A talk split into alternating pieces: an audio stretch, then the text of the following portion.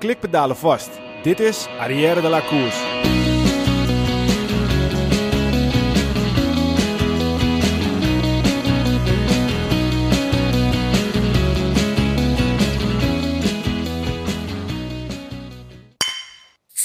Arrière de la Course wordt mede mogelijk gemaakt door Koerspret www.koerspret.nl Dames en heren, jongens en meisjes, welkom bij onze podcast over wielrennen Arrière de la Course. De komende podcast gaat over wielrennen, besproken vanuit het oogpunt van drie wielergekken die alles volgen van de bank dicht voor de tv. Vandaag aflevering 54, ik ben Michiel Beemster en er zitten de matadoren weer. Wilco. Ja, zitten we weer hè. Waar zitten we? We zitten in de huiskamer van uh, King van Koerspret. Van uh, Pedro Rij. Yes. We zitten aan de keukentafel, ja. Ja, ja. Beetje nakomen na al die dagen, dagen ja, koers. Het, het, was wel wennen vandaag hoor. Ik zag wel wat berichtjes ook vandaan. Het is vandaag maandag, hè. de rustdag. Hè. Laten we ja. daar nog steeds een beetje op houden. Maar het was wel zoekende naar een koers vandaag. Ik heb er niet eentje gevonden. Nee, ik moet ook zeggen dat, uh, ja, weet je, normaal was het ook, maar ik denk dat morgen de grote klap komt. De dinsdag, dat is dan de grote klap. Normaal zou je dan de tv weer aanzetten. Ja, ja het is niet anders, jongens. Maar dan lekker zelf fietsen. Het is 16 graden buiten, dan moet je lekker zelf gaan. Ja, maar normaal is als je aan het werk bent, laptopje ja, open en uh, koers op de achtergrond, dat is precies chill. Sommige mensen werken, Peter. Ja, ja. ik fiets soms een beetje. ja, precies. Beetje fietsen, een beetje bier verkopen, ja. Zoiets, beetje koers kijken. Hoppakee.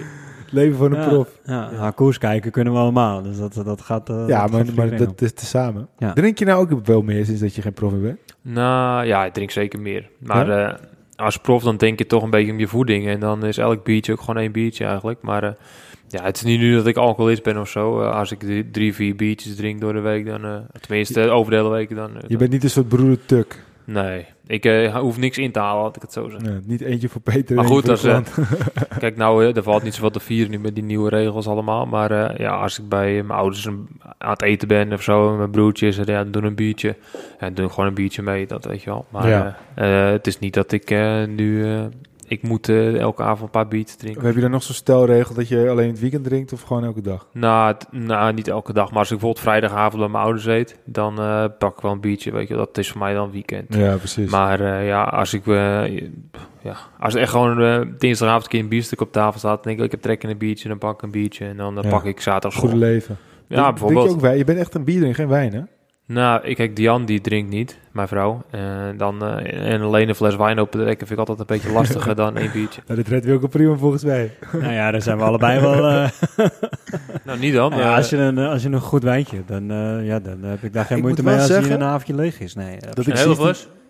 In je eentje dan? Als je ja, al... maar dan begin ik rond etenstijd en dan ja, de hele avond. En vijf glazen verder, dan is hij leeg. Maar ik moet ja, zeggen dat ik in die corona eigenlijk niet... Ik drink niet zo heel veel meer, hoor. Maar ik drink niet, niet drink zoveel echt, bier, hoor. Ik denk echt, nee, sinds die corona is gekomen, drink ik echt een stuk minder. Ja. Ik heb soms gewoon een week lang dat ik gewoon geen alcohol drink. Het is echt bizar. Ja, maar goed, nu gaan we geen... Vaak is dat ook toch een beetje plezier als je bij iemand bent en je er al een ja, beetje mee. is ook zo. Toch? Ja, dat is ook zo. Maar ik moet ook zeggen, dat is een heel ander verhaal. Ik vind die 0.0 tegenwoordig ook echt, uh, oh, zeker, echt super ja. lekker. Dus dan heb ik denk ik, ja, weet je, je kan net zo goed een 0.0 nemen. Als je toch ja, thuis zit, ja, precies. voor de bank, dan uh, waarom zou je dat niet doen? Ja. Maar goed, we dwalen af, jongens. Hey, koers, koers, koers, koers. Wat was het de koers de laatste tijd? En uh, de laatste grote ronde is uh, tot einde gekomen. De Vuelta.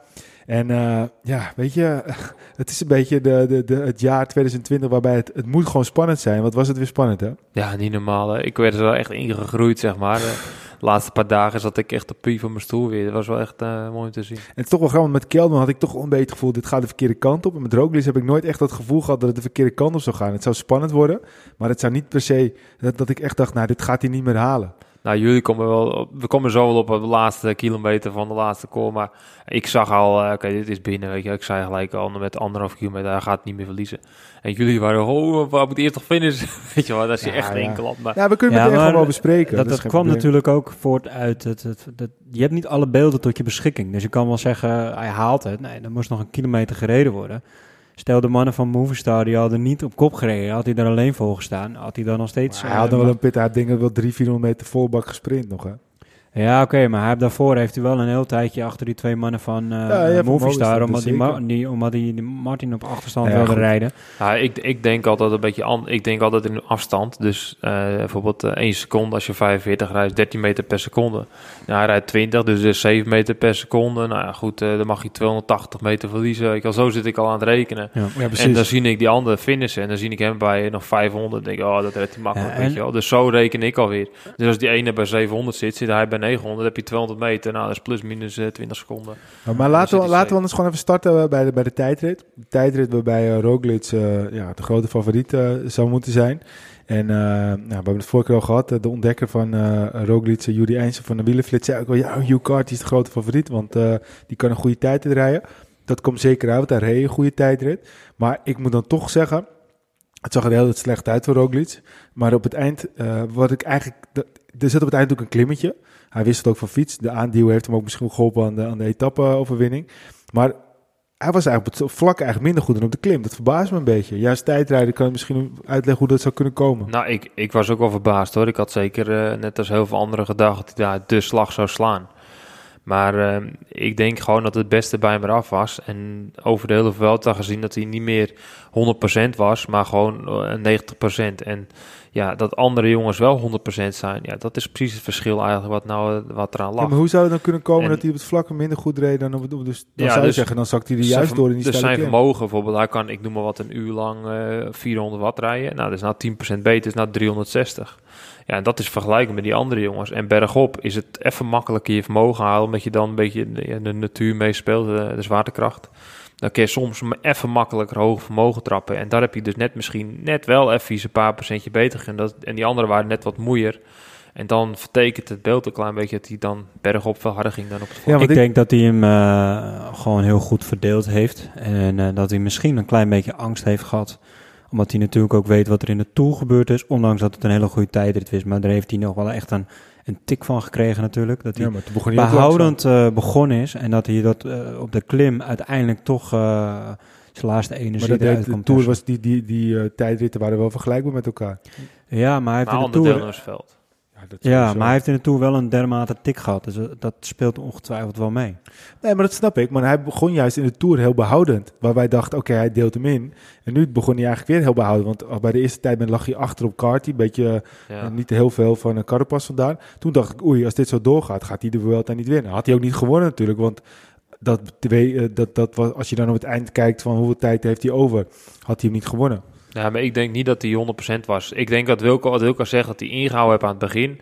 En dat laatste deel harder waar hij, dat, dat kan ik best wel in vinden. Dat klopt ook wel, denk ik. Maar toch, gezien over zijn hele, om dan nog even een stapje verder te gaan, over zijn hele seizoen, hoe hij gepresteerd heeft. Hij stond er van de eerste dag tot de laatste dag.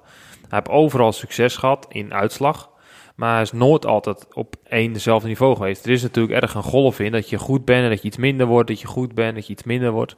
En ik denk dat hij het aan het einde, zijn laatste week Vuelta, in die golf naar beneden was, dat bijna het seizoen erop zit. En dat die anderen daardoor er gelijkwaardig met te kwamen. En dat hij gewoon op 80, 90 procent, eh, misschien de Vuelta, eh, wel 90, 95 procent, dat hij de Vuelta gewonnen heeft. Ja, maar wat, wat een gigant. die fietswissel, mannen. Even, eh, het kan toch niet anders dan dat Frits van Eert is natuurlijk ook eh, met Jumbo eh, sponsor van Max Verstappen. Dat hij Max Verstappen gebeld heeft of hij niet even een monteurtje vrij had. En die even heeft laten overvliegen naar Spanje om eventjes die pitstop te doen. Eén seconde Ja. tijdwinst. Maar de Eén seconde maar een, tijdwinst mo- een, mo- monteurtje heeft daar niet zoveel nut. Want het gaat me meer om denk dat hij... Ik weet niet of meneer Van Eert nog ergens een bobsleeteam aan het sponsoren is. Maar je kan beter gewoon zo'n bobslee aandeelder hebben. Want dit was Ja, echt... dat, eh, dat gaat erover dat er een, ik snap iemand je staat punt. die Ik de snap je wissel punt. doet. Nee, maar, maar ik, ik weet ook niet... eh, Weten we inmiddels al wie de beste man was? Nou, hij heeft toch ook Kjeld Nuis in dienst, of niet? Ja, Die zou ja. ook wel kunnen duwen volgens mij. Ja, precies, ja. Ja, ja. Maar die ene seconde, die heeft hij daar gepakt. Hè. Dat is achteraf ook Ja, eh, en- en, gemeten. eh, en hij wint hem op één seconde. En, en hij, hij won hem natuurlijk sowieso op één seconde. Maar wat er ook wel gezegd moet worden, en dat is dan natuurlijk altijd... ja, weet maar die wissel die was ook één seconde sneller Ja, dan maar- eh, de nummer twee. Hè? Maar het verneukeratief is altijd, Barta, die rijdt niet tot de streepvolle bak door op die berg. Als hij dat wel je moet het romantisch houden. Je moet het nu niet gaan afkappen. Nee, nee, nee, ik kap, ik romantische kap het niet verhaal af. is Maar, maar dat is ook een beetje het voordeel van degene die op het eind mag... Maar je rijdt ergens naartoe. Zo'n Barta, die, die verrast al. Die denkt, fuck, ik heb een vet goede tijd. Ik ben eh, veel sneller dan Oliveira. Ik ben veel sneller dan eh, op dat moment uh, Cavagna. En, en terwijl Cavagna ook een van de kanshebbers was. Ja. Dan rijdt hij gewoon echt gewoon eh 48 seconden weg. Die denkt al van, wow, wat een goede tijd. Maar als hij nou iets verder doorrijdt, dan, dan wint die tijdrit. Ja, het is, ik denk dat het niet eh, dat meer geluk is, die wissel, dan eh, dat het echt op getraind was. En natuurlijk is het op geoefend, bij Jumbo misschien wel meer dan bij CCC.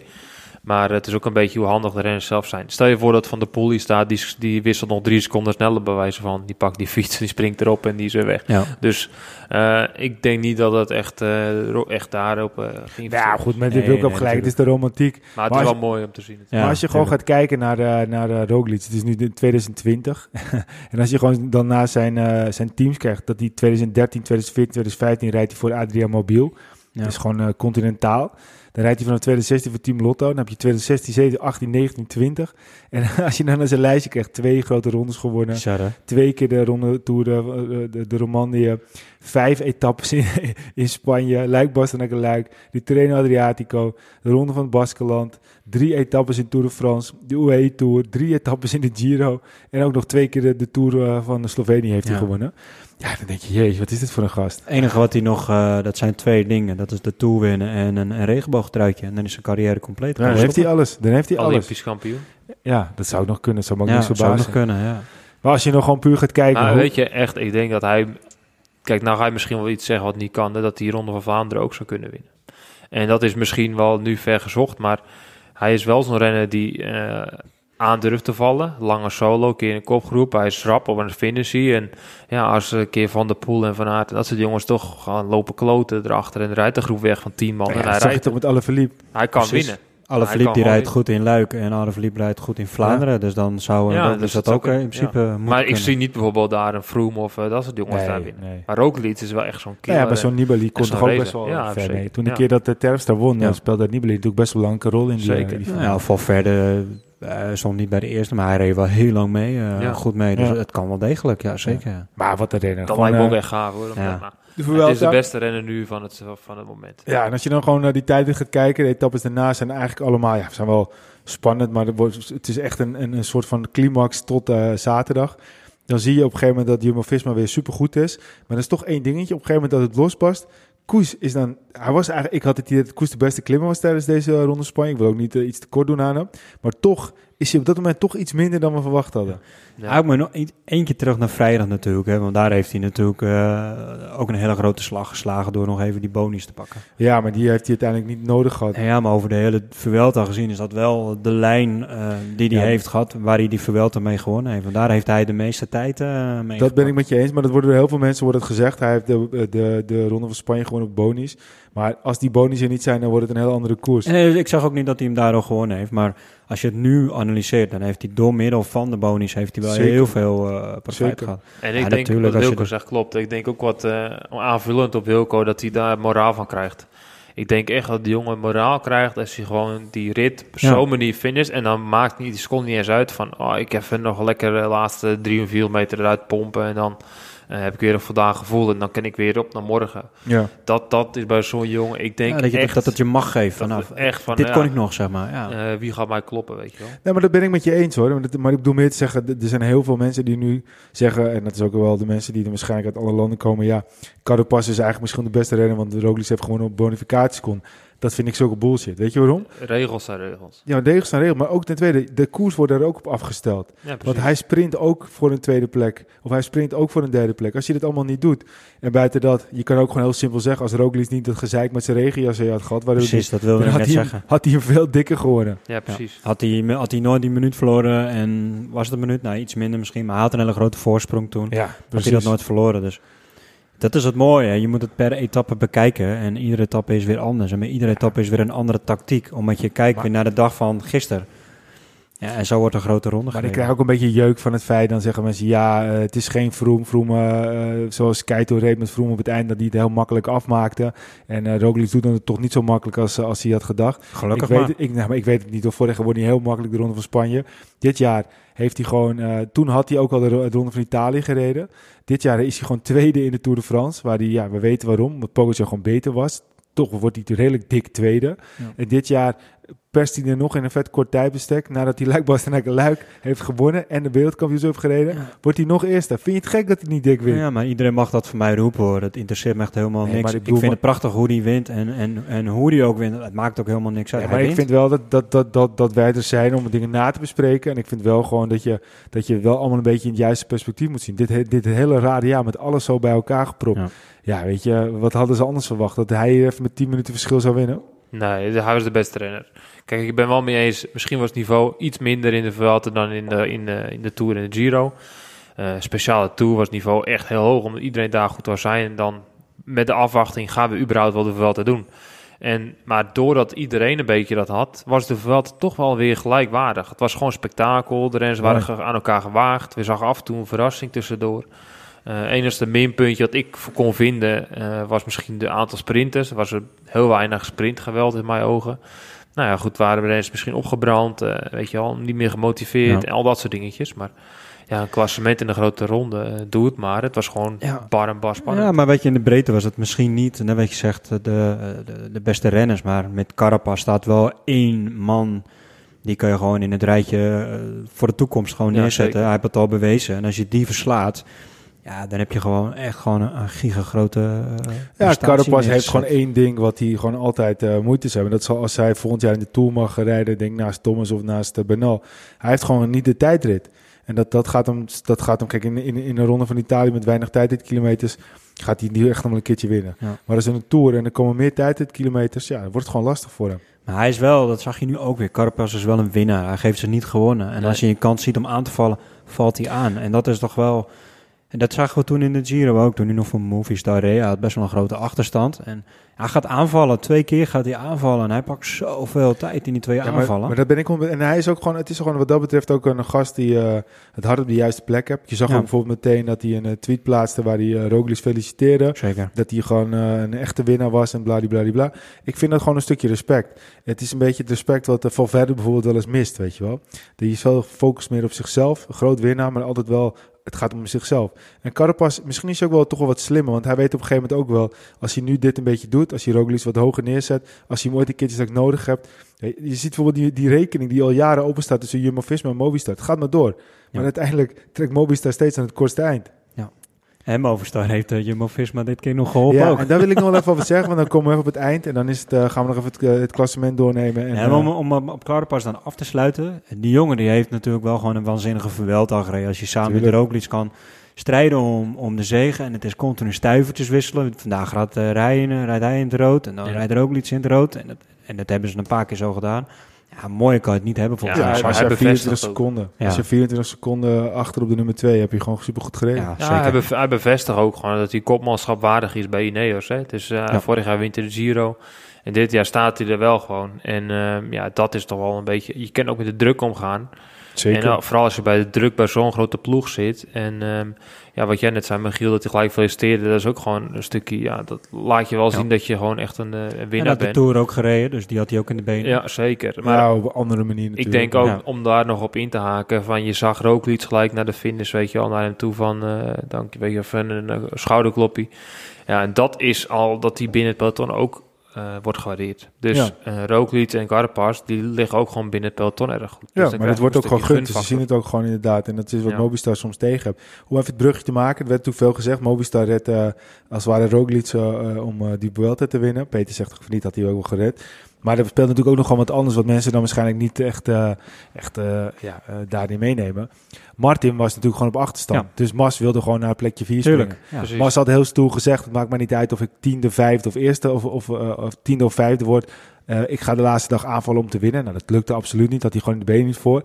Maar die wilde natuurlijk gewoon even goed nog wel van 5 naar 4 wippen. Ja. Dus dat was gewoon het verhaal. Juist, en dat, dan is er niks raars aan dat er de media het maakt dat Movistar als het ware Carapaz wil naaien omdat hij weg is gegaan. Ik denk dat Carapaz ook nog steeds uh, niet heel slecht ligt met die Movistar jongens. En maar het kwam, het kwam Roglic wel heel mooi uit eventjes. Het zag er mooi uit. En ja. wat, wat wij natuurlijk... Nou, meest... was het goede moment eventjes. Hij kon het goed gebruiken toen.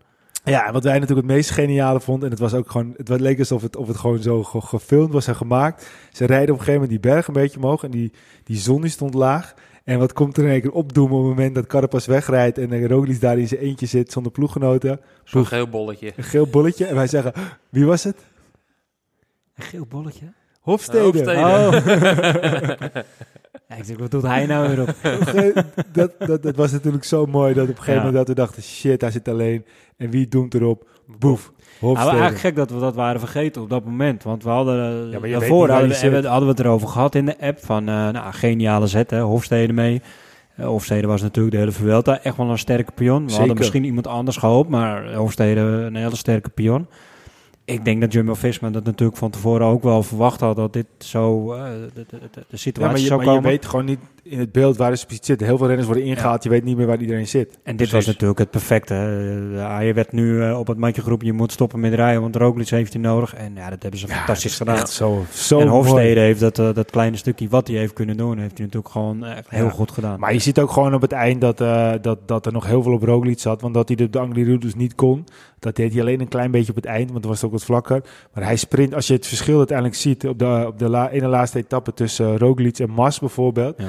Dan is dat nog best wel flink. Hè? En ja, dat maar is ja, hier kom je dus gelijk terug op het verhaal van die twee Movistar-mannen die hem dus geholpen hebben. Het was windje tegen hè, daar zo. Dus hij heeft gewoon een, een aantal honderd meters achter de Movistar-mannen kunnen zitten. gewoon- ja. Uit de wind. En dat, ja, dat maakt wel een verschil. En Carapaz reed volop in de wind met zijn snuffert. Nee, maar en dat, daar heeft hij wel eh, dat- dat ben ik heel veel eens. profijt van gehad. maar Peter, je zei net ongeveer, wat zei ik als je, als je 20 rijdt, dan is het 17 meter per seconde. Wat was Nou, het? als je, als je 45 toch rijdt, is 13 meter per seconde. Ja. Dus uh, 22,5 is de helft 7. Nee, en als Maar je, zoiets rijdt hij, denk ik. Maar als je dan nog ziet dat Roglic dus in het wiel zat van die twee Mobistars, Ja. maar hij sprint uiteindelijk gewoon nog 7 seconden weg bij Mars. Ja, Dat is toch veel? Ja, is veel. Dus Maar- dan, dan zit er echt nog wel wat in zijn benen. En ik zat ook te kijken, maar ik denk niet dat, dat het zo groot was. Want ik had later nog teruggekeken en denk, oh, 7 seconden, eh, dat was het lang niet. Maar ja, dat maakt ook verder Ja, maar uit. waarschijnlijk wordt dan net gewoon de tel voorgepakt in de tel. ja, ja. Maar goed, oké, dan is het 5 Dat is wel, seconden. Is het nog veel? Ja, nog Ga maar eens gewoon eh, met 30 z'n tweeën eh, gewoon op, op, op, op, op, op 500 meter sprinten. Ga maar eens even 5 seconden wegrijden bij iemand. Ja, is echt veel. ja. Dus dat zegt wel wat. Maar dat was mooi om te zien en dat wil ik wel eventjes meenemen. Hey, als je dan het klassement ziet, nou, Roglic wint hem uiteraard. Die pakt ook nog eens een keertje de groene trui. Dan Carapaz 2, heb het over gehad. Carty. Dat maakt het trouwens nog knapper. hè. Hij heeft de hele Vuelta eh, zo goed als met twee truien op het, Het podium was geloof ik de eerste keer in 54 jaar dat het iemand weer lukte. Ja, Dat maar ook zoveel. Ah, nee, dat hij gewoon vanaf de etappe 1 tot de laatste etappe de, de Oh, groene ja. trui had. Hij is gewoon ook niet onbedreigd bij een dubbele aantal Maar dat punten. vreet ook energie, hè? Iedere dag podiumceremonie, nog een keer Ja, podiumceremonie, media. vier keer winnen, media. Later in je bed, elke dag een uurtje. Ja, later. minste rusturen van iedereen gehad. Elke dag een eh, twee truien inpakken in plaats van één. Ja, Ja, en ook nog vier keer zo'n prijs eh, onder je armen meenemen. en die knuffels. Ja, en weer naar het podium. En weer het naar het te podium. doen. eh. Nee, maar goed. Maar goed, dat zie je ook wel een beetje dan de Vuelta, dat die minder sterk was dan de Tour. Als je ziet dat Carty derde kon, een goede ren natuurlijk. Ja. Maar ja, goed, wel, wel, Ja. wel echt mooi voor deze jongen. Zeker. En eh, Martin, vier, ik vind het toch een soort van wederopstanding hoor. Ik vind het wel mooi hoor. Staat hij gewoon in één keer weer in de Vuelta. Ja, maar ik vind het ook echt wel een wederopstanding. Ik had het niet verwacht dat hij dit nog zo zou doen. Ja. Mas 5. Ja, is een plek waar hij hoort, denk ik. Ja. Nou, hij had misschien iets beter gekund, vier of drie, maar eh, ja, dit is wel de plek waar hij hoort. En Ook- helemaal met dit deelnemersveld. Ook, Ja. ook wel die tijdrit weer, wat toch gewoon een probleem voor hem is. Maar hij is nog heel jong, hè? Hij ja, is nog steeds de witte trui. knechten. Ja, ik vind het mooi dat hij er stond hoor. Want Ja. hij heeft natuurlijk, dat zei de vorige podcast ook, hij heeft een mindere periode gehad. En hij staat er toch weer. Dat is wel belangrijk voor Ja, zo'n jonge jongen. Maar goed, het mooi. Peter zegt even tussen neus, neus en lippen door. Superman Lopez eh, wordt waarschijnlijk eh, eh, teamgenoot volgend jaar. Ja. Ja, ik weet Ja, niet of ik je moet knechten. Ja, nou ja. Lopez kan gewoon winnen, zo'n Vuelta. Hij niet. Nee, ja, maar deze voor wel. Nee, ik weet, ik, Lopez stagneert wat, vind ik. Nou, maar goed, eh, als Lopez op zo'n Angliru bijvoorbeeld wel een keer eh, 50 seconden wegrijdt, bijvoorbeeld, dat, dat kan zomaar, hè, want zo'n renner is dat wel. En ja, als je hier en daar een paar keer eh, zoiets uithaalt, ja, dan, dan win je gewoon.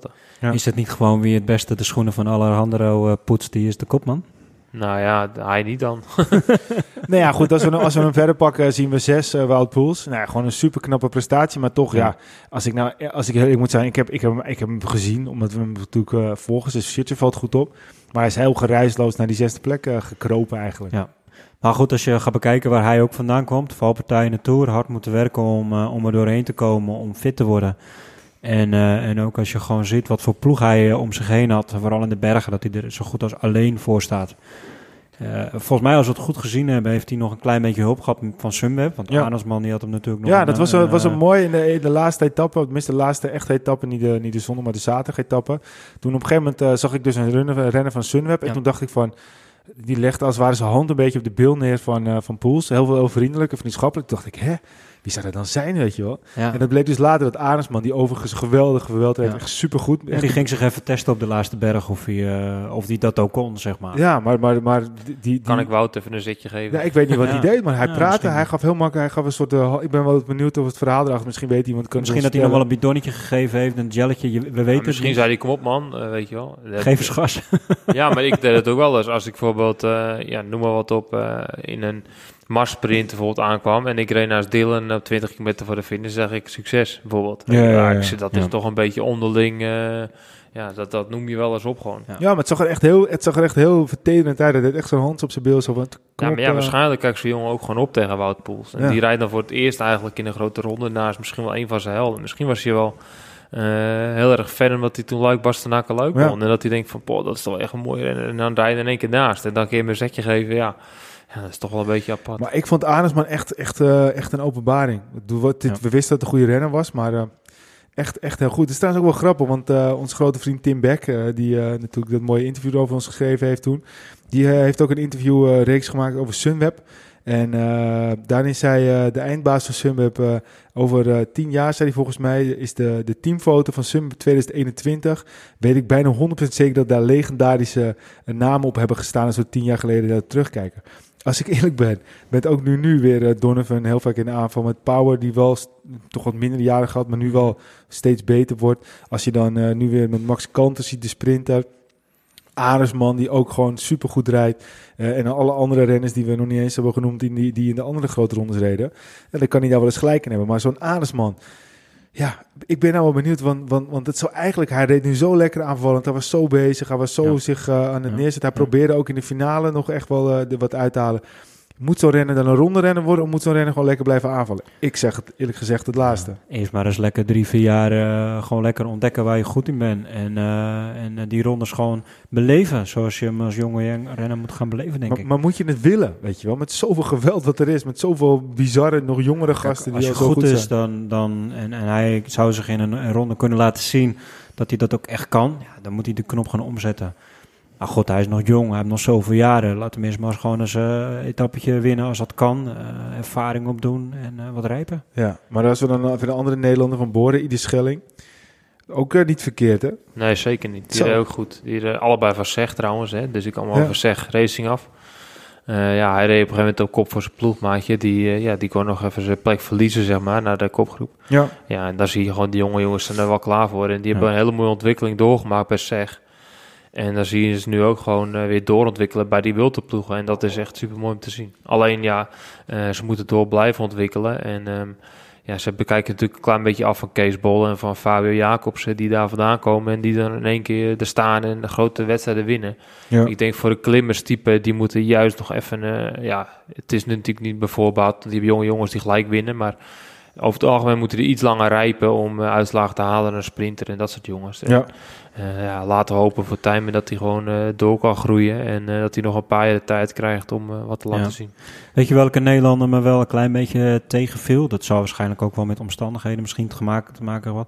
Maar dat is een jongen die natuurlijk heel veel wil en kan aanvallen. Heeft hij ook laten zien, Jetse Bol. Ik vond hem wat tegenvallen deze Vuelta. Ik heb hem weinig gezien van voren. Ja. Ik had, meer, eh, ik had hem veel meer in de aanval verwacht. Ook omdat hij met de ploeg rijdt natuurlijk. Die Mhm. eh, leeft van de aanval, omdat ze gezien moeten worden.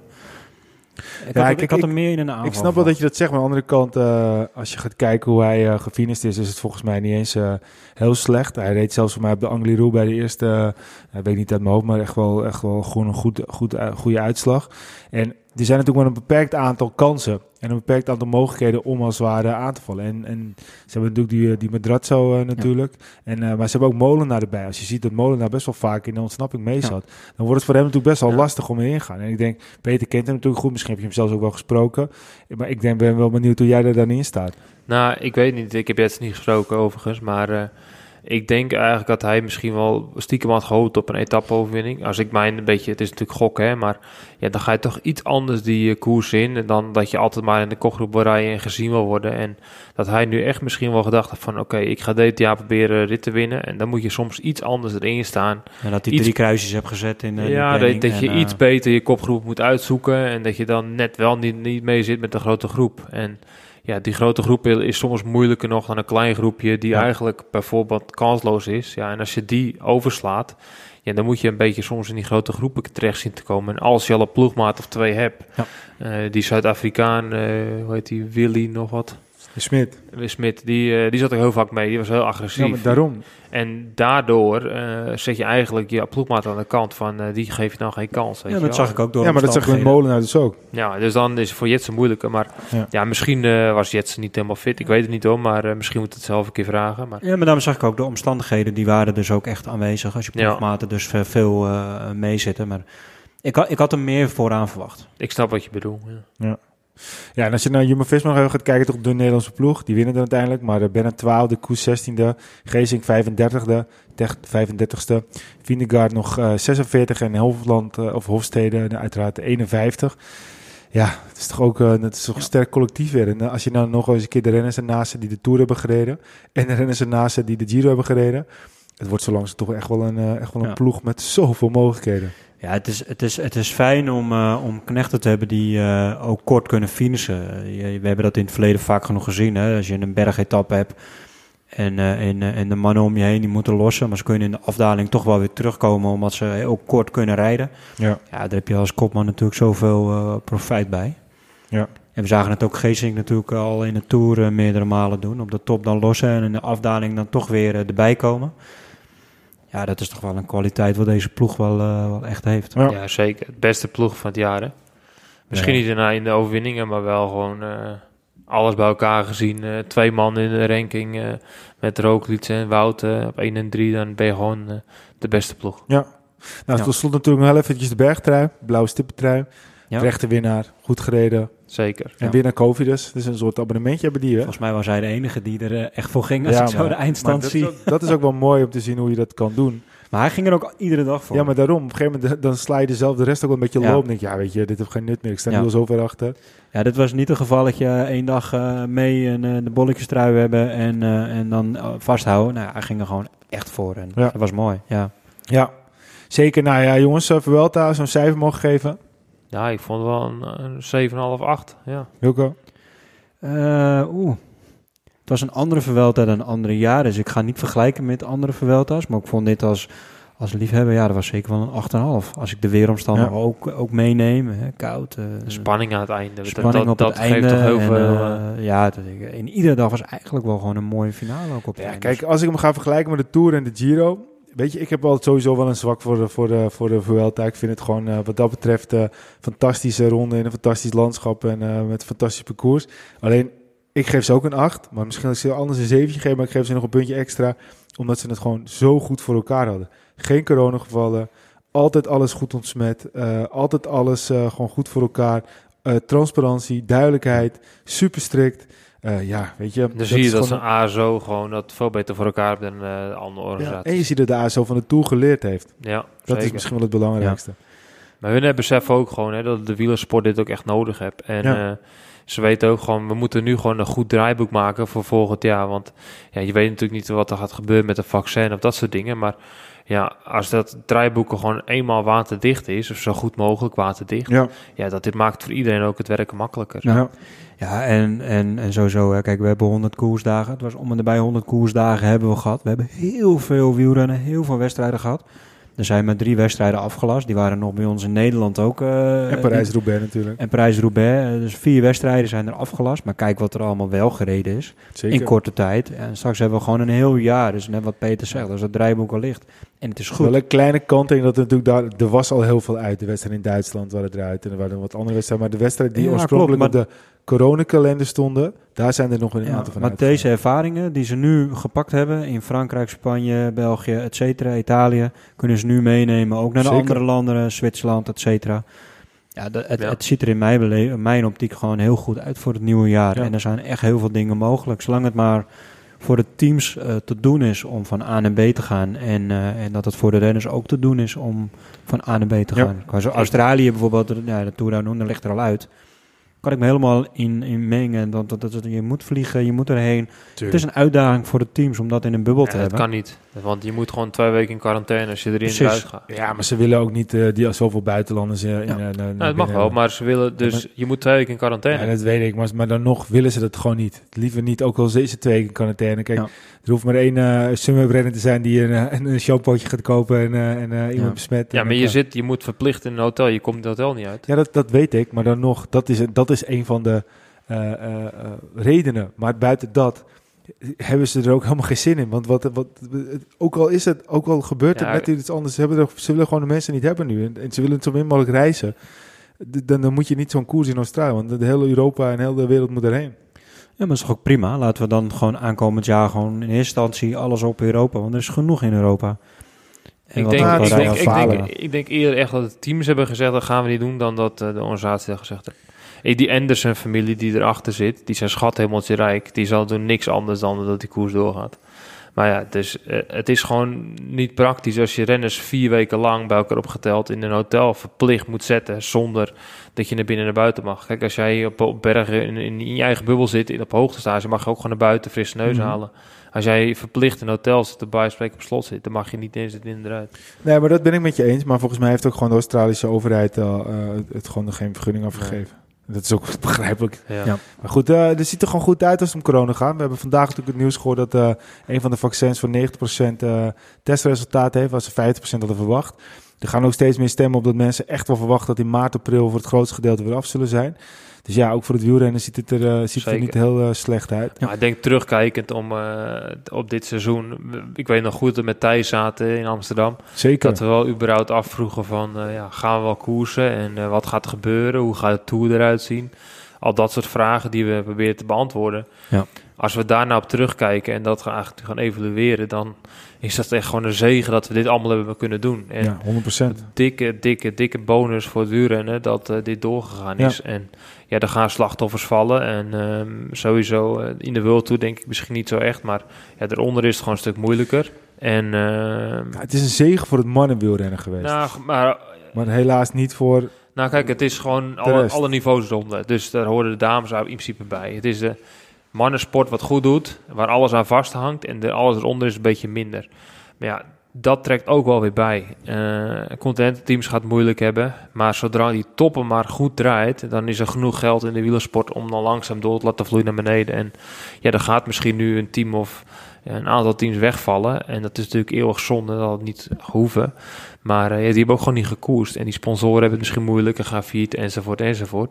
Maar de, ja, ik ben alleen maar blij dat die toppen goed draait. Dan komt de rest maar, maar dat ben ik met je eens, dat ben ik met je eens. Maar er zijn natuurlijk wel ook, net zoals Demi Florin toen vertelde, gewoon een team die echt hoog op de rank stond, boem, weg. Ja. En eh, dat, dat is aan de, en- zoals junioren, de hele aanwas. Nou, we hebben genoeg eh, jonge renners tegenwoordig, dus daar hoeven we niet zoveel bang voor te zijn. Maar de Ja. aanwas die nu daaronder zit, ja, eh, het is bijvoorbeeld zo'n David Dekker. Ik denk dat hij gewoon super blij is dat hij toch al getekend had bij ja, Jumbo-Visma. zeker. Want die heeft het hele jaar eigenlijk niks kunnen doen, behalve dat hij in het begin heel veel reed. Ja, En zeker. zal gewoon wat Ja. wedstrijdjes hebben gereden, maar voor de rest Ja. heeft hij niks kunnen Maar dat bewijzen. zijn er heel veel. Maar er zijn heel veel David Dekkers. Ja, Ja. maar dat is, dat is nu heel moeilijk. Hè? Maar als je dan terugdenkt, als die top, als er nou ook nog vijf World Tour teams weg zijn gevallen, dan valt het helemaal in elkaar. Kijk, het kaartenhuis, de bodem van de kaartenhuis is eigenlijk gewoon de World Tour. Zo moet je het zien. En alles erboven gestapeld, dat is eigenlijk al die mindere ploegjes. En dat valt nu om, maar de basis staat nog steeds. En dan kan je het ook weer opnieuw opbouwen. Als die Ja. basis er ook al een beetje wankel is, dan kun je ook niks meer erop op gaan bouwen. En Ja. ja, dat is nu bij die World Tour, dat staat nog steeds goed. En dan blijft er ook geld in die wielersport omgaan. En dan gaat het langzaam, het komt het development teams.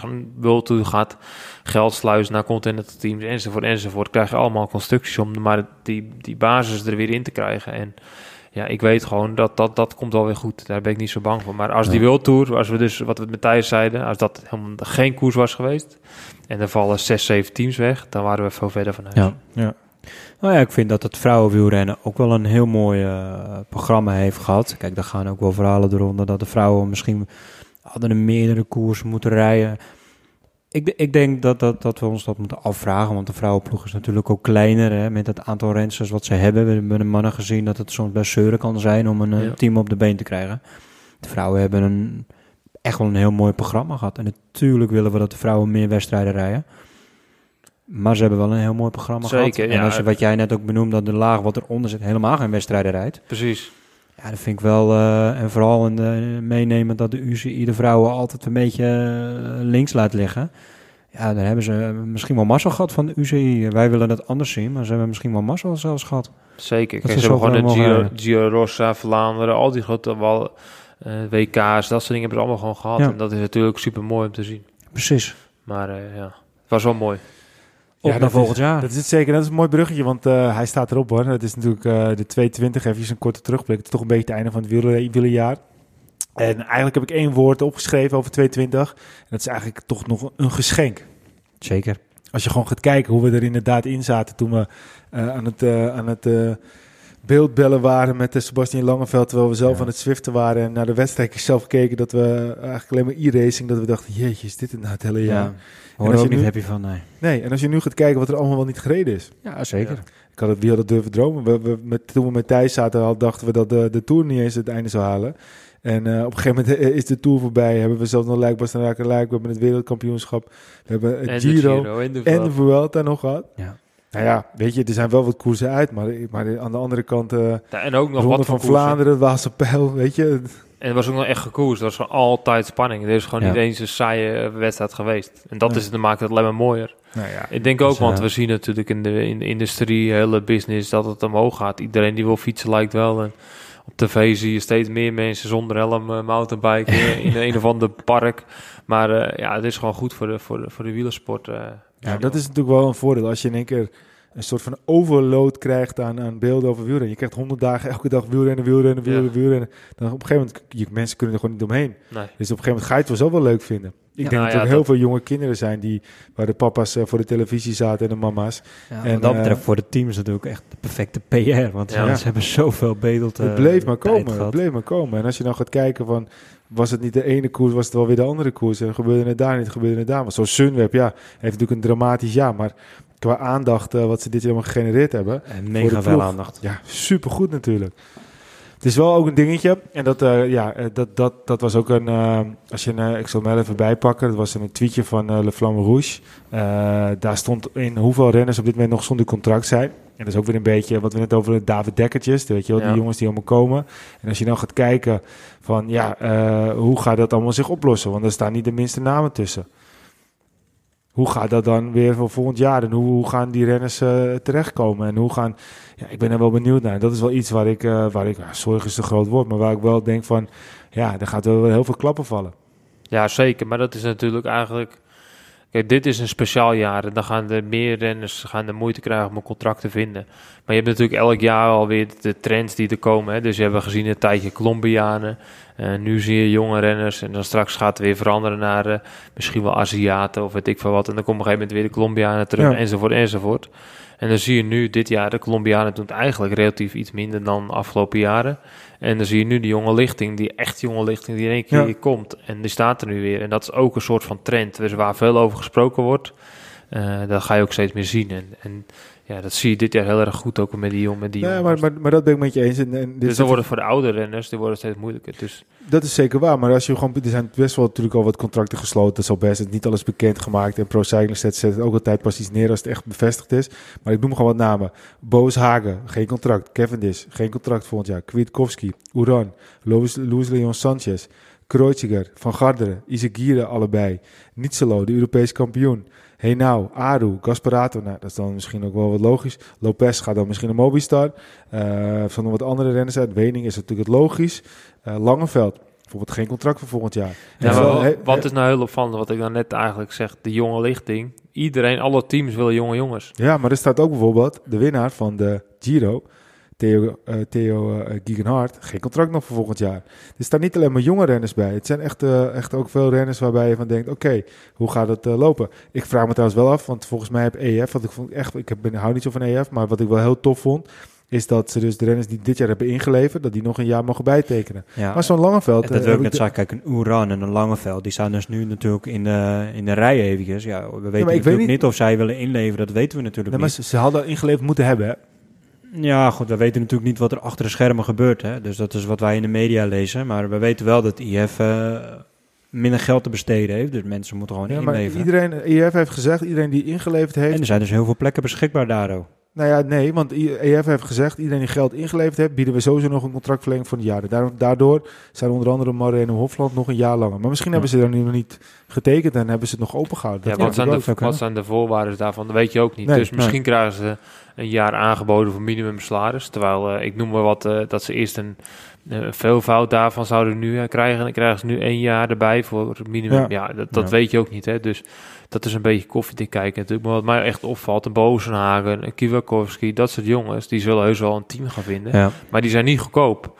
En de trend is jonge gasten. En als jij een jonge gast voor, eh, voor veel minder kan krijgen dan een Boas en Hagen, dan gaan ze dat misschien een gokje nemen. Kijk, Hagen is een verkeerde voorbeeld, hè, want dat zijn gewoon renners die wel onderdak gaan vinden. Ja. maar net- staat er ook tussen. Die, die, Maar tuurlijk gaat die Valgren vinden. staat er ook tussen bijvoorbeeld. Maar, ja, nou, dat is een jongen die echt moeilijk Valgren, heeft hij nog geen nieuwe ploeg? Die was toch wel in verband gebracht met een andere ploeg? Ja, Nou, maar dat, dat, is wel een mooi voorbeeld. Hè. Die is al iets ouder, volgens mij is hij 28. 28.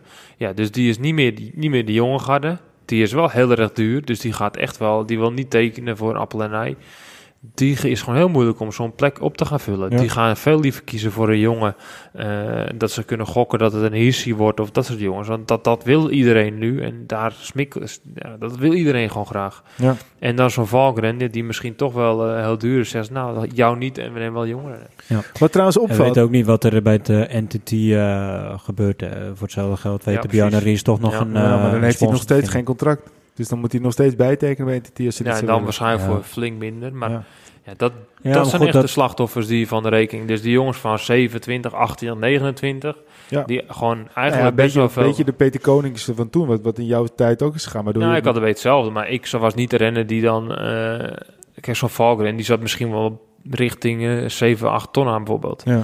Ja, en dan ga je nu een jonge, jonge jongen... Ik noem maar wat, hè, dus eh, het kan ook misschien minder kan zijn, maar... drie jonge jongens van krijgen. kan je drie jonge jongens voor krijgen. Ja. En dat is dus een beetje hoe het nu, eh, wat er nou gebeurt. Dan zeggen ze, ja, de trend is jonge gasten, die zijn toch wel erg goed. Dus ja, wij moeten ook een jonge gast, Ja, want ja, zo gaat dat. Maar het is de, aan de andere kant, is dat die jonge gasten hebben allemaal niet vorig jaar gereden, of dit jaar. Nee, Dus die maar hebben toch gaan niet- gokken. Ja, maar dat, is, maar dat is, speelt allemaal weer mee. Dus dat Ja. is wel een spelletje. Ja. Wat me trouwens opvalt in het lijstje, Goed, dit dit- staat... Deze discussie is natuurlijk ieder jaar. hè. En, en nu is natuurlijk corona. Eh, Toen in Ja. jouw tijd was het ook een probleem met de teams. Te weinig teams. Ja. dit, is, dit is iets uit alle jaren en elke Ja. keer zal het weer, weer Ja, nou, nou, een paar jaar terug was Colombianen. Elk team moest een Colombiaan Ja. hebben. Dus elk team Ja. dus er sprong ook een, oh, die heeft een Colombiaan, die heeft een Colombiaan. En niks te nadeel van de Colombianen, want die zijn gewoon hartstikke goede wielrenners.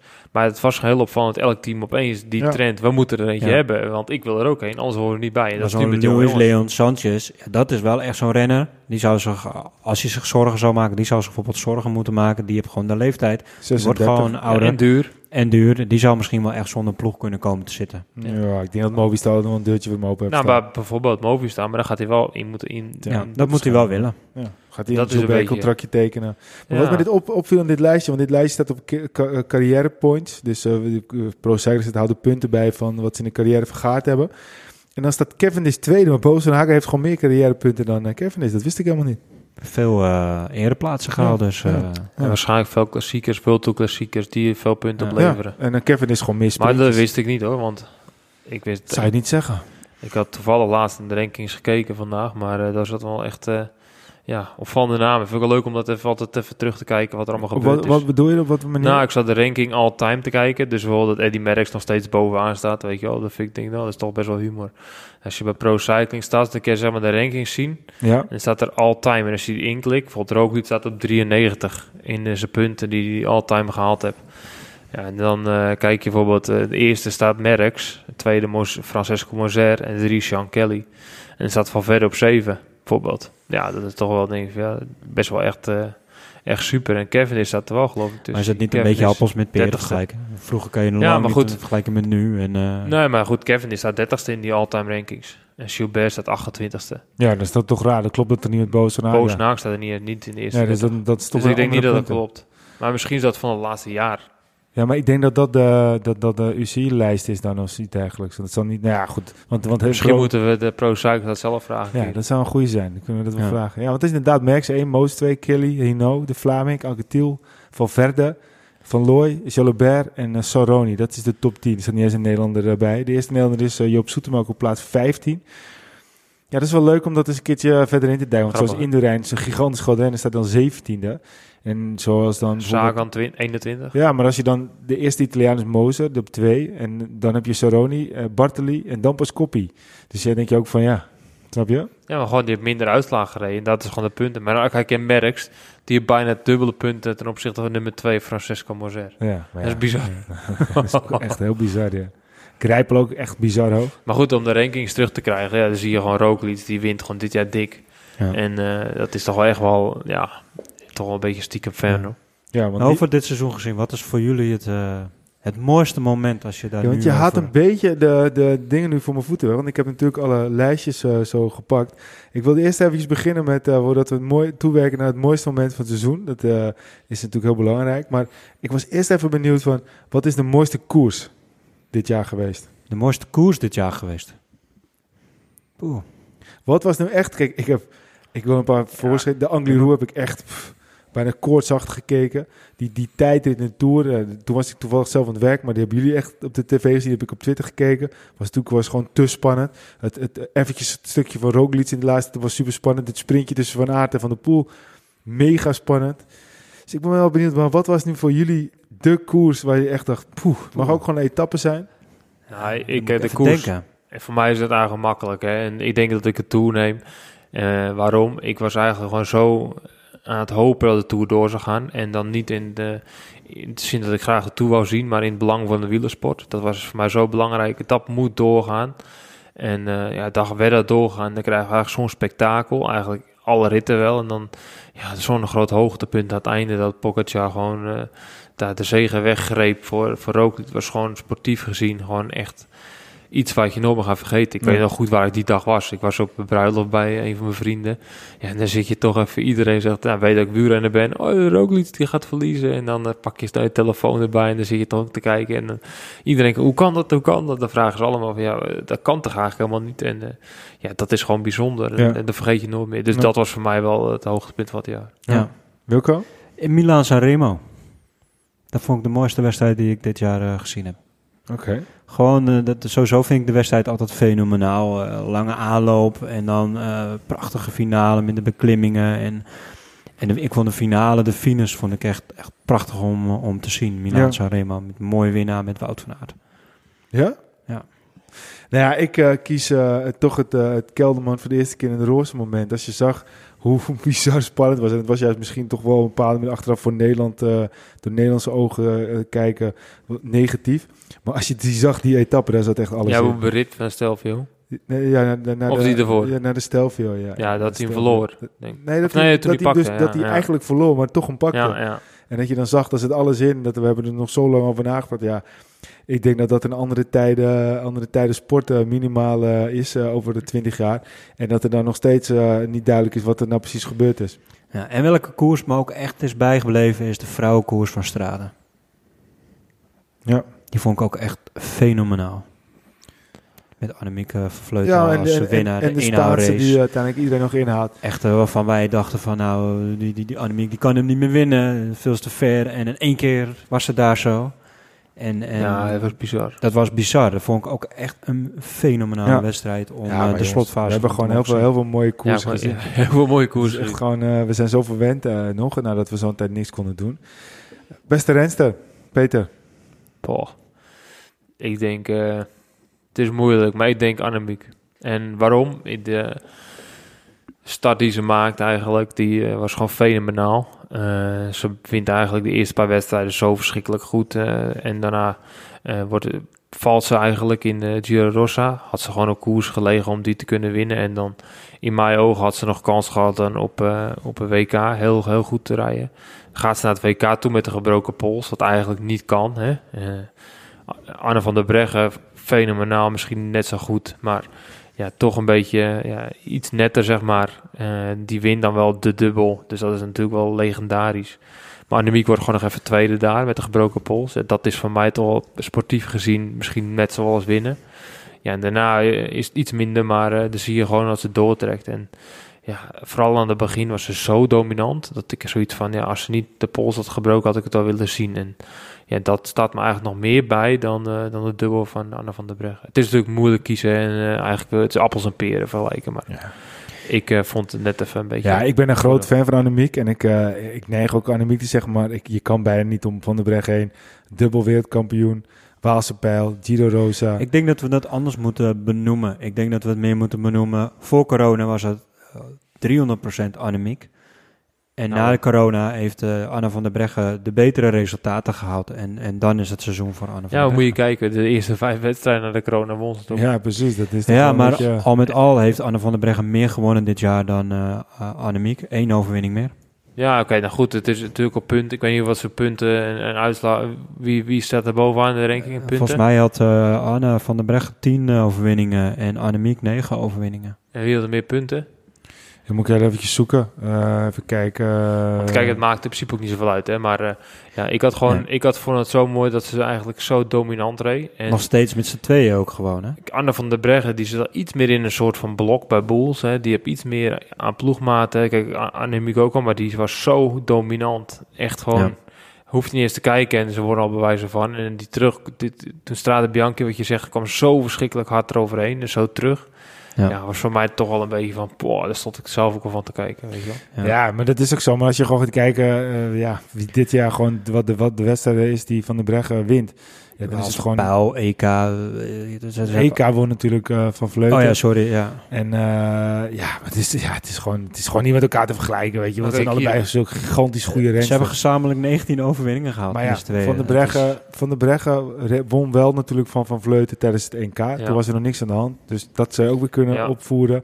Maar aan de andere kant, jij zegt... eh, Annemiek Eh, wint wel in punten overigens dit jaar. ja, maar Wilco zegt eh, voor corona. Maar voor corona was alleen eh, de overwinning omloop het nieuwsblad. En daarna is het eh, de Spaanse koersen, drie die ze er wint. En ze wint de Bianchi, vier achter elkaar. Tweede op het, eh, op het NK. Ehm, Europees ja, kampioen. Europees kampioen. Vijfde Ja, we hadden eh, voor corona ook al wat kleinere koersjes. Hè? En, eh en eh zat toen... eh Nee, volgens mij wint ze alleen maar de omloop het nieuwsblad. Want Ja. ik heb hier... één rit gehad? Ik dacht dat er meerdere waren. ik heb hier Pro Cycling Stat en er staat alleen eh, één resultaat omloop het nieuwsblad. Lang leven de statistieken. Dan zal het Ja, dat is mooi in Pro Cycling Stat. Ja. Dat is natuurlijk gewoon ja, ongekend eh, goed als je dit soort dingen... Maar als je dan gaat kijken naar Van der Breggen... Van der Breggen die, eh, ja, gewoon wat dat betreft wel... Ik vind dat Van der Breggen wel een betere ploeg heeft. En dat Peter daar wel echt... eh, echt Zeker, ja, absoluut. echt volledig gelijk. Maar zij rijdt bijvoorbeeld een, eh, een Spaanse koers in, eh, eh, voor corona. Die wint ze dan het, ge- het, het, het klassement. Dus als je heel puur zeg kijkt, had Van der Breggen voor corona al twee etappes of twee eh, Ja. overwinningen. Eh, en daarna, eh, ja, maar waar bijvoorbeeld Van der Breggen wint, wordt zij tweede. En een keertje derde en een keer 23ste. Stade Bianchi wordt ze vierde. Ze wint het Nederlands kampioenschap. Ze wordt het winnen natuurlijk wel de tijdrit weer bij het EK. Ja. Dus dat is dan ook weer... eh, Maar goed, als we gewoon puur kijken naar de overwinningen en, het, en, het, eh, en de grootte van de overwinning, dan is dit jaar natuurlijk Anna van der Breggen wel de renster van het jaar met een dubbele WK-titel en de Giro Rossa en een Nederlands kampioenschap en het tijdrijden bij het EK. nee, maar en dan- volledig eens. Maar, Ja. maar het is eigenlijk niet met elkaar te vergelijken. Nee, Ik Want- denk dat ze zo elkaar gewaagd. Ja. Maar Zeker. goed, er is één echte wedstrijd waar ze echt, echt tegen elkaar hebben gereden. We hebben meerdere keren tegen elkaar gereden, maar dat ze echt gewoon met het NK was het echt gewoon van Vleuten, van de Breggen die daar en toen won Ja, van de maar kijk, Van de Breggen Ja. die kwam op een gegeven moment weg. En eh daarachter zitten gewoon, zit ze eigenlijk een soort van in de tang. Dus ja, eh, Annemiek kon daar eigenlijk ook bijna niet winnen als ze tegen zo'n blok van Boels. Nee, maar dat ben ik helemaal met je eens. En dat, aan de andere kant van de pool wat- laat het zien tegen Jumbo-Visma. Ja, maar die dat- doet het ook. Maar dat ben ik helemaal met je eens. Ja, maar je helemaal kijk, gelijk in. Jumbo, ik, ik denk echt dat Mathieu van der Poel veel beter renner is dan Ja, de beste zeker. renner van Jumbo. Absoluut. En bij Annemiek, Maar die en aanwezig was wel, Die, ja. wa die wa- En- waren, ja, zeker. ja. als je daar Wout van Aert neergezet had en die gaan in blokkoersen, dan had Wout Nee, van Aert- natuurlijk. Maar, Nee. maar uh, Mathieu stond er ook alleen voor. Nee, maar ik ben het ook helemaal met je eens. En het is ook misschien niet een goede vergelijking. Maar ik bedoel meer te zeggen, dat was het moment waarbij ze niet... Waar ze echt gewoon het, tegenover ja. elkaar stonden. Waar ze gewoon dit alle twee, niet andere renners Daar waren ze gewoon met z'n tweeën de beste. En daar won Van Ja. de Breggen. Ja, als je kijkt naar de Ronde van Vlaanderen, durfde Van de Breggen niet door met Annemiek. Want dan wist je niet dat, zeker dat, ze vond ik, dat vond ik weer heel raar. ja. En de Giro Rosa hadden we ook daarom maar, eh, alleen al vind ik dat Van Vleuten de beste renster is. En de Giro Rosa hadden we ook nog moeten afwachten natuurlijk. Want als Van Vleuten niet was gevallen... Als, ja, eh, had ze dik gewonnen. Kijk, je ze moet, waarschijnlijk wel gewonnen, ja. dat bedoel ik een beetje, maar je moet natuurlijk op de fiets blijven zitten. Dat zeg ik wel eens Precies. vaker. Ja. Maar eh, het, het, kijk, eh, mijn voorkeur is gewoon aan die kant. En eh, al is het misschien een ne- 51% ten opzichte van 49%. Ja, want nog wel, we hebben het al eerder gezegd wat die Joris van den Berg toen zei over Anne van der Breggen van eh, ja, ze wint wel veel omdat een ander valt of wat dan ook. Ja, dat is Wat een, wat een onzin als je gewoon puur kijkt wat die meid allemaal gewonnen heeft. Dat is echt niet omdat, Joris eh, van den Berg moet het lekker bij short omdat een houden. Daar is andere hij, een- is hij een geniaal in. Maar de wielrennen, dat eh, kan niet beter eh, zijn waffel Precies. Ja. Vrouwen wielrennen dan. Wat is een genot om naar die twee altijd weer te kijken, want dit dit zijn zo dominant met z'n tweeën. Beste renner. Gelukkig begint het allebei met een A, dus de A is gewoon de beste. Ja. Nou, ja, het is ook- is Zo moet het dan denk ik gewoon maar zien, dan denk ik. Beste renner. Beste renner, ja, Roglic. Er is er maar eentje. Dat is heel simpel, ook niet. Ja, maar dat is wel zo, want ik kies ook voor Roglic. Maar van aard moet je echt natuurlijk niet Nee, onderschatten. maar if Van Aert is, ik denk hetzelfde als, is als eh Annemiek en eh, Anne. Eh, twee andere renners. Maar ik denk als je nu kijkt hoe Roglic, hoe goed hij is van begin tot einde. Overal waar hij komt doet hij mee voor de prijzen. Wout van Aert doet ook overal waar hij komt doet hij mee voor de prijzen. Roglic heeft een langer seizoen gehad, meer Ik koersdagen. vind toch, Maar als Roglic Luik Bastenaken Luik niet had gewonnen, was Van Aert wat mij betreft de renner van het jaar. nou ja, misschien zit je er wel mee eens. Maar het is nu toch wel eens een paal boven water dat Roglic En een één stapje... en een grote ronde. Ja, hij staat één stapje verder op Wout. Maar Wout heeft echt misschien wel een van, misschien wel zijn twee. wel, nummer- eh, je benoemt het goed, het zijn twee totaal verschillende renners. Je kan het ook niet met elkaar vergelijken. nou, Eén goed, is een klassieke renner en de ander is een ronde renner.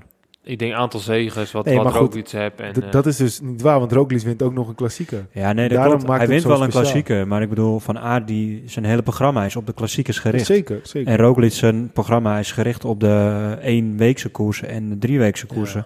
En, en Luik, Bastenaken, Luik doet hij er... Normaal gesproken doet hij dat erbij, omdat het eh, een mooie toevoeging is op zijn trainingsprogramma. Ja, maar ik ben het met je eens. Ik zeg alleen eh, als Van Aert, als je gewoon kijkt wat hij heeft gewonnen. Milan Sanremo, Strade Bianchi, Banki. eh en Roglic wint niet Luik, Bastenaken Luik. Dan zeg je, oké, hij heeft de Ronde van Spanje gewoon een supergoede eh prestatie. Hij heeft andere ritten gewoon supergoed. Maar ja, weet je. ja, Roglic is gewoon nu, nu, nu, gewoon... nu, ook al als je gewoon een van de grote monumenten wint, ja, dan kan je Ja. er gewoon niet omheen.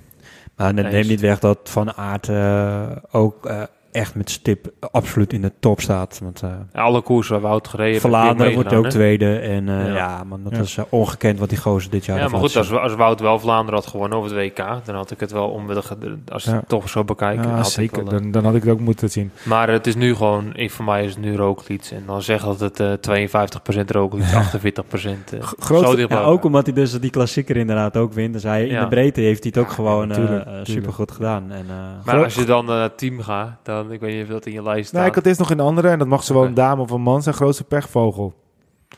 Jacobsen, 100%. Ja. dat is ook niet moeilijk. Ja, Jacobsen Maar- zeker. Zeker Jacobsen. Maar natuurlijk is het een verschrikkelijk ongeval. Maar ik wil ook nog een andere naam noemen. Dat is dan toevallig ook een Nederlander. En dat is Kruiswijk. Ja, maar zo Ja. kan door blijven gaan. Dat zou ook zeggen, we Kelderman die net niet de Giro. Nou ja, weet maar je wel. Kruiswijk die dan... Ik Is vind de- dat je dat niet kan vergelijken. Ik vind Kruiswijk heeft pech gehad, absoluut. Hoort bij topsport. Maar Nee, ik zeg wat niet dat, ik zeg dat Jacobsen de grootste pechvogel is. Maar een andere grote pechvogel Ja. in een heel andere dimensie. We hebben het dan niet over een grote gigantische valpartij. eh, waarbij eh, eh, ja, gewoon waar die levensbedreigend eh, eh, gewond raakt. Ja. Maar als je gewoon puur gaat kijken naar het wielrennen zelf. Als in een wedstrijd met Kruiswijk. Die dan eerst de Tour mist. Dan nog eens een keer de Giro rijdt Ja. hij. Hij is op stoom en dan wordt hij Ja. geveld. Is totaal niet met elkaar te vergelijken. Maar Ik denk- zeker. Maar Kruiswijk ook echt gewoon een klote Ik jaar. denk wel dat het eh, in die zin voor Kruis ook wel echt pech is dat dat dit jaar de Tour misschien wel zijn laatste kans had kunnen zijn. Ja, maar dat, duurt- dat zijn uitspraken. Die natuurlijk, je weet het nooit, hè. Ja, Maar, nee, had hij geknecht. Maar goed, dat Ja, is helemaal niet boeiend Nee, maar ook als je bijvoorbeeld nu naar het tourschema gewoon kijkt van aankomend jaar. eh, het is Nou ja, het, met, zes aankomsten of zes bergen, drie aankomsten bergop. Ja, ik maar- vraag me af of Jumbo met zoveel klimmers Ja, eh, Zoals we vorige En, keer hebben eh, gezegd, Peter zegt dat eh, Wout van Aert de Tour gaat winnen. En dan is hij gewoon een, weer een plekje verder gezakt. Dan is hij niet meer nummer drie, dan is hij al nummer vier. En, ja, en nou, Koes ik denk dat, dat Kruiswijk veroordeeld wordt tot de Giro en de Vuelta. en Ja, maar ik denk dat ze Koes ook wel een keer koppel moeten gaan maken. Volgend jaar, ergens. Ja, dat kan. Je kan toch ook in de Giro Vuelta met twee kopmannen rijden?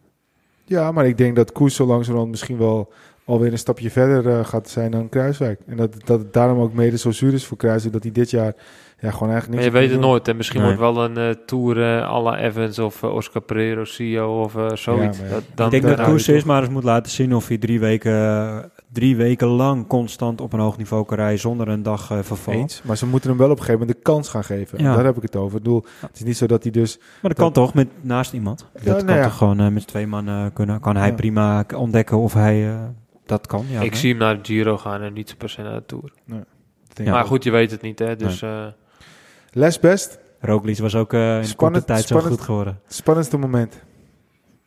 boah. Ja, Vlaanderen, 100%. Dat was de, de sprint der titanen. Ja, dat ik denk was het ook. waar iedereen naar uitkijkt. Die twee tegen elkaar. En dat dat ook nog zo tot uiting komt. Dat die bom zo mag ontploffen. Dat dat heel wielenliefhebbend, eh, kijkend. Iedereen op de bank eh, met, met, met klotsende oksels. Weet ik het allemaal maar. En ja, dit, dit was alles wat je wil zien als, als fietser. Dit was alles bij elkaar. Spannend dan Dat dit een- ga je dat het een- niet dat krijgen. is natuurlijk een eu- eu- eufor- euforisch moment waarbij je echt gewoon... eh, en het zijn ook dan- het, dubbele spanning is het, hè. Dat een beetje. ja, Het is niet zo, kijk, dat wat Wilco, ik ben met Wilco eens, dat was eigenlijk misschien wel de op, ophoping van spanning, want je weet dat die sprint gaat komen, dus het is ook een lange aanloop Ja, eraan. maar, maar die aanloop die begon al vier dagen ervoor hè, op televisie, de voorbeschouwing. Ja, maar en het ging alleen maar over die twee. ja, maar ik vind dat niet het moment maar zo'n waar ik... Stelvio bijvoorbeeld, Precies, het stelvio is, is, is een heel ander soort spanning. Dat is meer, ik Ja. moet zeggen, dat is Angst. een marathonspanning. Ja. En die andere was een soort sprintspanning. Het bleef maar hoge spanning. Ja, eigenlijk was de Ronde van Vlaanderen natuurlijk gewoon een, een mooie ja, koers. 100, een 100 meter sprint. Ja, maar was het daarvoor helemaal niet zo heel spannend? Want ze waren Ja. gewoon met Ja, z'n maar ja, tweeën. je vraagt het mooiste moment. Als je mij over drie weken eh, op een onverwacht moment zou vragen, wat was jouw mooiste moment van dit jaar? Bam, komt dat eruit. Ja. En er komt er geen Ja. andere koers Maar uit. bij want mij dit is dat blijft 100% hangen. zeker stelvio. Nou, als het spannendste moment, Ja. dan was voor mij wel de Tour eigenlijk, toch wat spanning. Maar Bij jou? Eh, ah, maar Wilco zegt, dit is mijn hoogtepunt van het seizoen in de Ja, vorm ja. van de spanning. Ja. Als je mijn hoogtepunt van het seizoen en dan in de vorm van de spanning, waar, de- als ik dat moet grijpen, is het toch wel de Tour. Maar de hoogste spanning, wat jij zei, ja. dat was toch wel wat ik daar in die sprint had in de Dat is Vlaanderen. wel mooi, want Wilco zegt alweer heel wat anders dan jij zegt dan ik zeg. Dat is ook wel mooi aan, aan hoe je Ja. wielrennen beleeft. Jij vindt Vlaanderen. Jij zegt ook bijvoorbeeld de mooiste moment eh, was Milaan, eh eh, eh, eh, Sanremo. Was Milaan koers, Sanremo. En eh, bij jou is het de Tour. En ik zeg echt, toch, die Stelvio, dat is ook hoe je het beleeft. Ik Ja. vond het zo fucking Ja. spannend, die Stelvio. Maar goed, ik moet ook heel eerlijk bekennen dat het een keuze maken tussen al die koersen, vind ik, is ook gewoon heel moeilijk. Want Ja. ja, we hebben, eh, als ik voor mezelf spreek, echt bijna alles gezien. Zeker. En eh, ik kan nu echt wel gaan met mijn relatie gaan lijmen, zeg maar. Want Ja. eh, de, de televisie was veel belangrijker. Ja, dan, je hebt ook van die, van die doorlichtplekken in Ja. je televisie waar je zo'n fiets zo vast erin blijft zitten. Nee, maar we hebben zo ongelooflijk veel gezien. Dus, Ja. eh, en, en we zijn echt eh, verwend, want de koers was gewoon altijd Toch. mooi. Geen afwachtende koersen over het algemeen. Altijd aanvallende koersen. Er gebeurde altijd wel wat in. Iedere ronde is er gewoon gestreden, iedere etappe. Ja. En nu jongens... Zelfs de kleinere koersen, de Tour de 1, dat, dat, dat was al Ja, spektakel. dat was, ook, dat was meer eh, omdat natuurlijk... Er was zo lang niet gereden dat iedereen gewoon volle bak Tessers rond daar in die in, in, in de Ja, maar ook. Ineos, Jumbo-Visma en in die strijd. En eh, Ja. ja, iedere koers was mooi. En, en nu? eh, Wat gaan we vallen in het zwarte gat? Tuurlijk niet, want we gaan met de podcast gaan we gave dingen doen. Dus dat dat sowieso, eh, maar, maar Ja, ja, wie is het beste team dan? Dan zeggen, daar komen we zo op. Maar waar is Jumbo? Hè? is het niet? over, te- over, over, Ja. over te praten Ik vind het toch lastig. Kijk, je zou zeggen Ja. Jumbo. nee, Aan de andere kant, ja, ik, ik zou ook toch wel weer neigen. Ook al ben, het niet, ben ik niet de grote fan van, maar de, de- toch de keuze. precies. Ja, dat wilde ik ook zeggen. Wat, wat die gasten toch altijd weer als team En- laten en zien. Heb, heb je gezien wie de tweede staat in de zegenrank? UAE toch? UAE. Ja. Ja, het zal. Dat ja. had je niet verwacht. Nou ja, goed, we, ze hebben natuurlijk gewoon veel eh, ze gewonnen. hebben Pogacar. En, eh, Ja. Ja. en, en dat waren, doordat de kleine koersen niet zijn, eh, zijn doorgegaan. Kijk, Jumbo eh, vond ik echt heel goed als team rijden voor het klassement. Om echt als team te rijden. Maar eh, kijk, eh, de Koning Quickstep, eh, de Giro even nagelaten. Want daar hebben ze ook boven zichzelf uitgestegen voor eh, Almeida. Maar de Koning Quickstep heeft toch altijd wel weer die chemie van als er iemand vooraan. Ze kunnen dat toch Ja. als team altijd toch wel weer magistraal goed uitvoeren hoor. En zich allemaal wegcijferen voor die ene renner die vooraan rijdt dan. Als je Pro Cycling bekijkt, denk ik ook dat wat mij betreft het rijtje is van dit jaar. De Koning Quickstep, daar staat 1. Het Team Jumbo-Visma 2. UAE Team Emirates 3. Team Sunweb, zeker niet vergeten 4. Ineos In punten is dit? Of is in punten, ja, ja. Ja, ja. En dan Ineos 5 en Bora 6. Ja, ik denk dat dat is. En Ja. hoeveel overwinningen? Dat vraag je eigenlijk ook altijd. Ja, ik... eh, Peter heeft eh, vandaag alles bestudeerd, dus die moet het, eh, die, die, die 39 en dan eh Jumbo-Visma had er volgens mij 23. Ja, ik ben wel een beetje goed in De cijfers. UAE maar heeft er eh, iets meer dan Jumbo-Visma. Ja, ik zit even te kijken, want ik kan het niet zo snel eh, vinden. want- Oh, hier staat de wins, team wins. Eh, de Koning heeft er 39 en dan hebben ze ze 30 keer tweede en 30 keer derde. OE heeft er 33, 25 keer tweede en Niet 20 slecht, keer derde. En Team Jumbo-Visma 23 en 18 keer tweede en 5 keer derde. Dus als je gaat kijken, als Jumbo-Visma eenmaal vooraan zit, dan zitten ze, hebben ze een grotere kans om te winnen dan die anderen. Tja. Nou, goed, dus zie maar bij de Koning met alle Philippe en Remco en dat soort jongens, Bennett en Hodec waarschijnlijk. En dat is toch wel een hele brede selectie die je echt Ja. gewoon speert. Ja, maar zo'n Hodek, zo'n eh, is Ik dit weet jaar... die gewonnen hebt, maar Ja, maar die is niet zo goed dit jaar. Maar dan zie je wat er ander op staan. Want nu, Ja, in de breedte hebben ze heel veel renners die Ja, kunnen winnen. ja. ja. ja. En als je Jumbo-Visma pakt, dan is het eh, Van Aert en Roglic die eh, het gros van de overwinningen eh, had pakt. geloof ik 20 overwinningen en dan al 20, ja. 14 van de Maag. Ja, Ja. precies. maar ja, goed, als je gaat kijken wat dan volgens mij het, het allerslechtste World Tour team is dit jaar. Dus als je de weer uit mijn hoofd. En hoeveel etappes denk je dat? Nee, dat is nog veel minder. Zo, Mobistar. Hoe- hoeveel etappes denk je dat die gewonnen hebben dit jaar? Hoeveel wedstrijden? Poeh, vijf? Twee. Twee? Goh. De Soler heeft gewoon eh, matig. de- de- het team gered, Dat zeg maar. toch bijna niet kunnen kloppen, als ik heel eerlijk ben. Maar goed. Nou ja, blijkbaar wel. Het team wat mij dit jaar het meest verrast heeft, en dat denk ik dat dat waarschijnlijk voor jullie ook wel telt, dat is Sunweb. Want we hebben natuurlijk daar heel veel over gesproken, ook van nou, Ja. oh, de keuzes die ze maken, bla bla bla. Maar Die hebben dat toch als team dit jaar toch wel eh, echt heel goed gedaan. Twee keer gewoon eh, Mobistar eh, Soler die iets wint. Voor de rest hebben ze niks gewonnen dit jaar. Oh. Ja. Ja, dat is toch wel bijzonder. Ja, zeker bijzonder. En wat is dan de meest verrassende renner van dit jaar? Eh, Tenminste, Pogacar- degene, de, de nieuwe renner, zeg maar, die er... Ja, eh, Pogacar natuurlijk. dat dat was- was vorig jaar, reed hij ook al. Ja, oké, Ja, maar dan Mark nog. Hirschi, die heeft mij, eh, ondanks Ja. dat dus de potentie bekend was, maar ik vind dat eh, Mark Hirschi... Almeida. eh, Almeida. Ja, maar ja, dan zou ik nog eerder Hindley bijna zeggen, omdat die toch weer nog even een stapje hoger eindigde. Ja, maar ja, wel eh, al die druk op je Maar, maar schouders. gehad. Baglioli, die eh, van eh, de, de Koning Quickstep Ja. ook zomaar uit het niets weer een Hart, nieuwe... die toch wel die volgende stap Kijk eens in het heeft. rijtje welke renner van die nou opgenoemd hebben nou voorin staat. Waarschijnlijk zal dat de Hirschi zijn, of niet? Je wilt, wat wil je weten? Winst Ja, de of Ja, Hirschi, gewoon de, heeft, in eh, eh, punten, zeg maar, ja. van de renners die dan eh, dit jaar eigenlijk voor het eerst... Echt heeft een neus veel ervan. gewonnen. in de Tour ja, en, Pogacar. Ja, maar die Ja, voor vorig de jaar eerste ook keer het jaar. Vorige, Ja, dat is moeilijk om... Hoe wil je dat gaan... eh Almeida of Hirschi? Evenepoel zal waarschijnlijk Ja, wel is ook natuurlijk het vorig jaar al. Ja. Eh, als je gaat kijken Oh naar ja, Hirschi, natuurlijk. Hirschi die staat 19e, Evenepoel 18e, Almeida 20e. Ja, dat is Hirschi en Almeida. Ja. Ja. Maar kun je nagaan dat eh, Theo lager staat dan Almeida. Maar Theo doet ook al jaren mee in principe. Ja, maar goed, dan zou je toch zeggen, hij heeft dit jaar de Giro gewonnen. Hoe Ja. kan Almeida nog godsnaam dan hoger staan? Ja, die reed al goed in de andere koers. Hè. Die was een keer tweede, geloof ik, Ja. achter Remco in Burgos of zo. Ja, dat klopt. Dat Ja. klopt. Die krijgen allemaal toch best wel wat punten er ook Ja, voor. ja. Ja, weet je, jongens, het was een mooi jaar. We gaan hem afsluiten, want eh, toch mooi altijd dat we, ondanks dat, eh, dat er gewoon de Vuelta voorbij is en dat we geen koersen die komen bespreken, toch alweer op eh, ruim een uur en een kwartier Wat was het, zitten. 110 dagen of was het 111 dagen? Nou, het was hier voor heel veel. Ik weet het niet uit mijn. Omlopen uh, nieuws. Zijn er nog genoeg? genoeg dagen om zo op te fietsen. Laatste woord, Peter. Nou ja, we kijken uit naar, eh naar off-season. Hè? Dus eh, Zeker. we gaan even rusten. En bier drinken, toch? Dat doen we altijd in de off-season. Maar doen, eh, ja. eh, Nou, we kunnen ja, wel even we een off-season eh, serie maken. Gewoon gaan een paar leuke podcasten, eh, een paar leuke gasten proberen ja. te vinden. En eh, ja, die, die met ons leuke podcast kunnen Nou, we hebben sowieso een stuk drie, vier op de planning staan. Waaronder eh, een hele bijzondere, vind ik. En eh, daar eh, gaan we heel veel vragen aan stellen. En er zijn zelfs misschien nog vragen die we vandaag al gesteld hebben. Ja. Wilco, jouw laatste woord? Ja, het was een prachtig eh corona-seizoen. Prachtig coronaseizoen. Ja, zeker. En ik hoop dat het eh, niet vaak meer gaat komen. Maar eh, wat we gezien hebben, ja, dat was schieten. Ondanks dat het gewoon zo kloten was, was het toch het seizoen een geschenk die we niet meer hadden verwacht. Zeker. Amen. Yes. Bedankt voor het luisteren. Volg ons op Facebook, facebook.com slash Twitter Arrière en hoofdletter C, Instagram podcast Arrière de la Course en ga ook eens kijken op onze website www.arrièredelacourse.nl. Bedankt voor het luisteren en tot de volgende Arrière de la Course.